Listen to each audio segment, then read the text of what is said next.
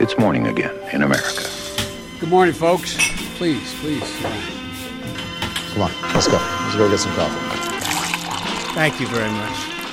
Det er mandag 28. september. Det er én dag igjen til den første TV-debatten. 36 dager etter presidentvalget, og målkaffen er servert.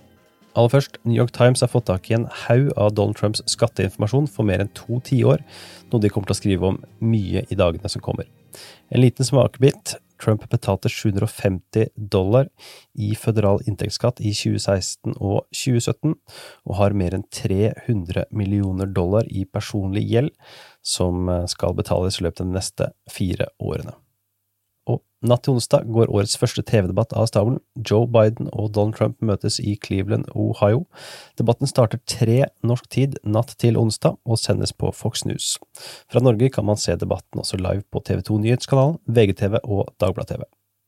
Mens vi er inne på debatten, så har Trump sagt at han ønsker en narkotikatest av eh, Sleepy Joe Biden, ettersom han mener at kun medisinering kan ha ført til at Biden har gjort det bra i noen debatter og dårlig i andre debatter. Trump sier selv at han også selvsagt vil ta en test.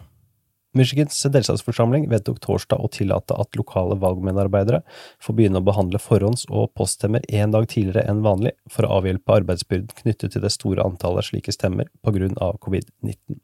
Og Michael Bloomberg kunngjorde fredag at han vil kjøpe TV-reklame for demokrater for 40 millioner dollar i Florida. Dagens første sak, Amy Coney Barrett til Høyesterett. Som forventet valgte Donald Trump lørdag å nominere Notre Dame-professor og føderaldommer Amy Coney Barrett som ny høyesterettsdommer etter Ruth Bader Ginsburg. Barrett er en svært konservativ jurist som har inntatt tradisjonelle republikanske standpunkter rundt abort, LHBT-rettigheter, valgkampfinansiering og næringsliv. Både støttespillere og motstandere omtaler henne som en svært dyktig jurist. Da Barrett ble presentert av Trump i Rosehagen utenfor Det hvite hus, nevnte Barrett både avdøde Ruth Bader Ginsburg og sin mentor, avdøde høyesterettsdommer Antonin Scalia, i sin tale. Justice Ginsburg began her career at a time when women were not welcome in the legal profession. But she not only broke glass ceilings, she smashed them. For that, she has won the admiration of women across the country and indeed all over the world. Mm-hmm. Yes. Particularly poignant to me was her long and deep friendship with Justice Antonin Scalia, my own mentor. Justices Scalia and Ginsburg disagreed fiercely in print without rancor in person. Their ability to maintain a warm and rich friendship, despite their differences, even inspired an opera. These two great Americans demonstrated that arguments, even about matters of great consequence, need not destroy affection. In both my personal and professional relationships, I strive to meet that standard. Høringer om Barretts nominasjon vil begynne 12. oktober, og det ventes at justiskomiteen i Senatet vil stemme for å godkjenne henne 26. oktober, en uke før valgdagen. Dagens andre sak, Polarcoaster Tycoon. I mylderet av nye målinger som er kommet i helgen, leder Joe Biden fortsatt relativt trygt over Donald Trump nasjonalt, 53-43 på én måling og 49-41 på en annen. Nesten seks av ti oppgir at de følger valgkampen svært tett, noe som er en rekord såpass tidlig i valgkampen.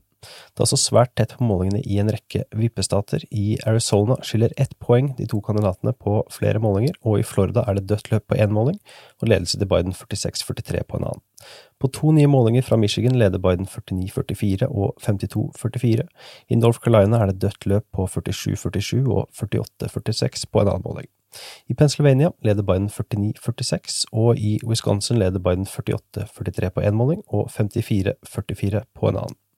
På målingen fra Center for Progress leder Trump 46-45 i Texas, og hos CBS Hugov leder Trump 47-46 i Georgia.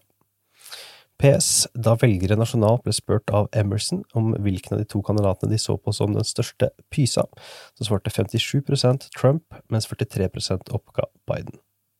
Dagens tredje sak, Biden slenger med leppa.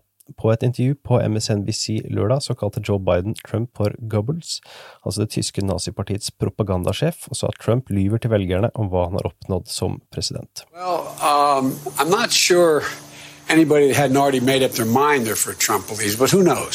But but that's you know he's sort of like Goebbels. You say the lie long enough, keep repeating, repeating, repeating it, it becomes common knowledge. Denne helgen lanserte også Biden-kampanjen en ny reklamefilm som skal på lufta i 13 vippestater de neste dagene. Filmen, som har fått tittelen New Start, spiller på enhet og samhold.